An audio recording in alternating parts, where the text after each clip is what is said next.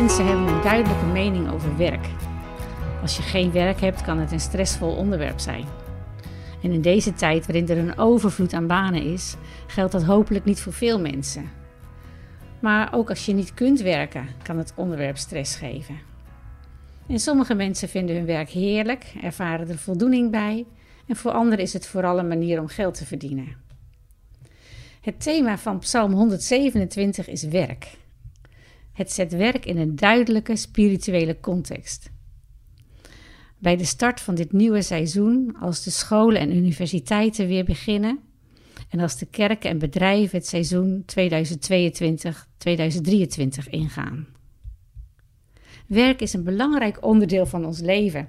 Een onderdeel waarin, zoals Eugene Peterson zegt, of onze geloof wordt versterkt of onze zonden worden versterkt. Dat is best wel een scherpe uitspraak.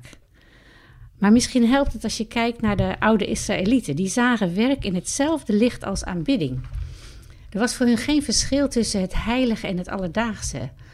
Of mooi gezegd, het sacrale en het seculiere. Alles wat ze deden, deden ze onder de banier van Gods wil en dienst aan Hem.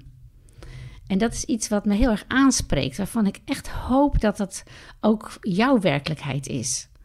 De stelling van de psalm is deze: Als de Heer het huis niet bouwt, als de Heer de stad niet beschermt, is alles nutteloos.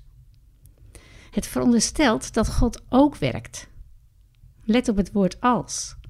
Als de Heer het huis niet bouwt, als Hij niet beschermt, Hij bouwt, Hij beschermt, Hij bewaakt.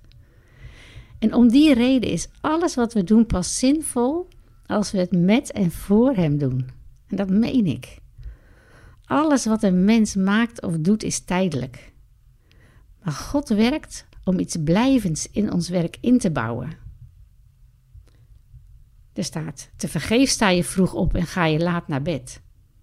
En dat benadrukt dat als God niet centraal is in ons dagelijks werk, dat wat we doen geen blijvende waarde heeft.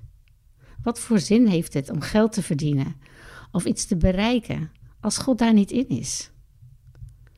Veel mensen werken lange dagen en hebben slapeloze nachten om succesvol te zijn. Maar ze ervaren geen voldoening omdat ze het niet nodig vinden om de Hemelse Vader in alle zaken te betrekken en om Zijn raad en wijsheid te vragen. Dus voordat je een nieuwe taak op je neemt, of dat nu in je werk is of in de kerk, vraag God om wijsheid en onderscheidingsvermogen. Als de Heer het huis niet bouwt, te vergeefs werkende arbeiders. Dank u Heer dat u samen met ons ons werk vormgeeft en dat het dan sterk en duurzaam is.